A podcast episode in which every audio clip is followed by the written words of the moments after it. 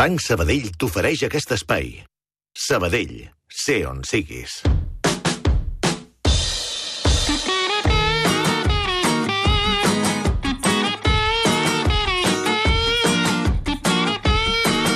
Com està, senyor Solsona? Doncs mira, encara em dura, encara em dura l'alegria. Quina alegria? M'ho he passat molt bé avui preparant el comentari que Ah, porto, sí? perquè aquest matí, a primera hora, el Domènec Sobirà Sí. Recordava la primera vegada. L'indignat, Diu, l'indignat. Bueno, però La primera vegada no, que li no van ho dir senyor. com a indignat, sinó com...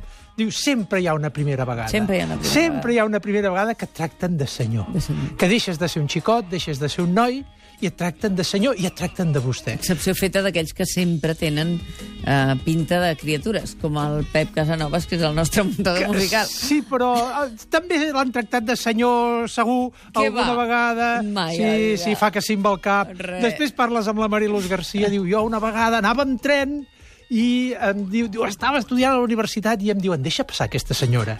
És clar, sempre hi ha una primera vegada. Sempre hi ha una primera. I la gent ho recorda quan et diuen senyor, quan et diuen senyora. I a mi el que m'interessa és que, com que això implica parlar de tu o de vostè, mm. doncs això és molt important. Des de quan parlem tant de tu o de vostè? Realment parlem de tu o de vostè? Eh, ha canviat molt en qüestions Ara de tracte. molt més. Totegem molt més. El cas de- d'aquí, entre nosaltres, especialment es considera que a Espanya la Guerra Civil va marcar un abans i un després amb l'ús del tu i el de vostè, que va guanyar molt terreny al tu. Joan Coromines diu eh, per imitació de les horrendes habituds i manyes falangistes. Perquè deia, com que els falangistes, després Són de la guerra, vostè? van parlar de tu, no, no, de tu, Ah, de tu. de camarada. Ah, de els camarades. I de Vale, vale, camarada. vale, vale, Uh, I Germà Colón, que és filòleg, diu, ho desmenteix, diu, el 1936, parla de Castelló, eh? 1936, un dia mon pare, en arribar a casa, va dir-nos que manaven, aquest és l'altra banda, és a la banda republicana, que ja no es podia portar ni americana ni corbata, que s'havia de saludar i acomiadar-se alçant el puny amb la paraula salut i que el vostè estava prohibit i que s'havia de parlar de tu i dir camarada.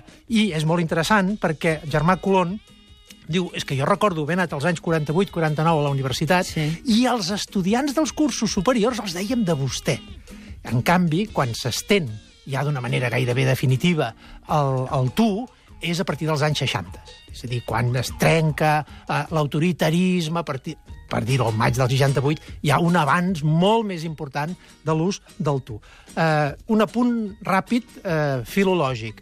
Ara en diem tutejar. A la forma medieval era tuejar. Tuejar. Tuejar. De totes maneres, a mi m'interessa fer treballar els oients i fer un exercici de, de sociolingüística, és a dir, d'usos lingüístics per raons no lingüístiques. Jo et deixo anar una sèrie de preguntes... Atenció, que hi ha 8 preguntes o 10 aquí. Sí, però jo el que vull és que la gent en parli, que en parli a la feina, Jo amb la família, al taller. nota. Recordeu la primera vegada que us han tractat de senyor o senyora? Quins tractaments doneu entre familiars, pares, fills, avis, oncles? I si són els mateixos tractaments que els vostres pares, els vostres avis, donaven en els seus pares? Tu vols saber si la gent encara no, jo no vull saber. de- Jo vull que la gent en parli i que contrasti. La gent que dius, jo dic de tu als Però no pares... vols que t'ho enviïn? No, no, no, vull que la gent en parli. Que faci sociolingüística, faci exercici parlant-ne a, a la feina, parlant-ne amb, amb, amb els familiars, parlant-ne amb els Si amics. tracten de vos, si no... Perviu encara el vos? Us molesta que us tractin de tu als comerços, a la feina, als establiments, sanitaris, a l'administració? Els vostres mestres i professors els parlàveu de tu o de vostè? I els metges? Quan es resa o es demana alguna gràcia a Déu als sants, interiorment feu servir el tu, el vostè, el vos? Quan us adreceu a algú desconegut, amb quin criteri feu servir el tu o el vostè? El vostè és un senyal de respecte o d'autoritat.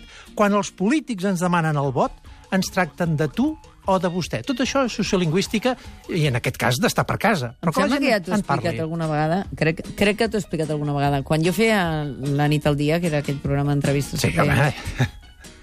Ah, quan el Guti encara era viu, el Guti, uh, un Sí. dia va venir, feia molt poc que jo havia començat el programa, devia fer una setmana o així, i el vaig, i el vaig cridar per entrevistar-lo. I el Guti em va dir, Mònica, t'he estat seguint, ta, ta, ta.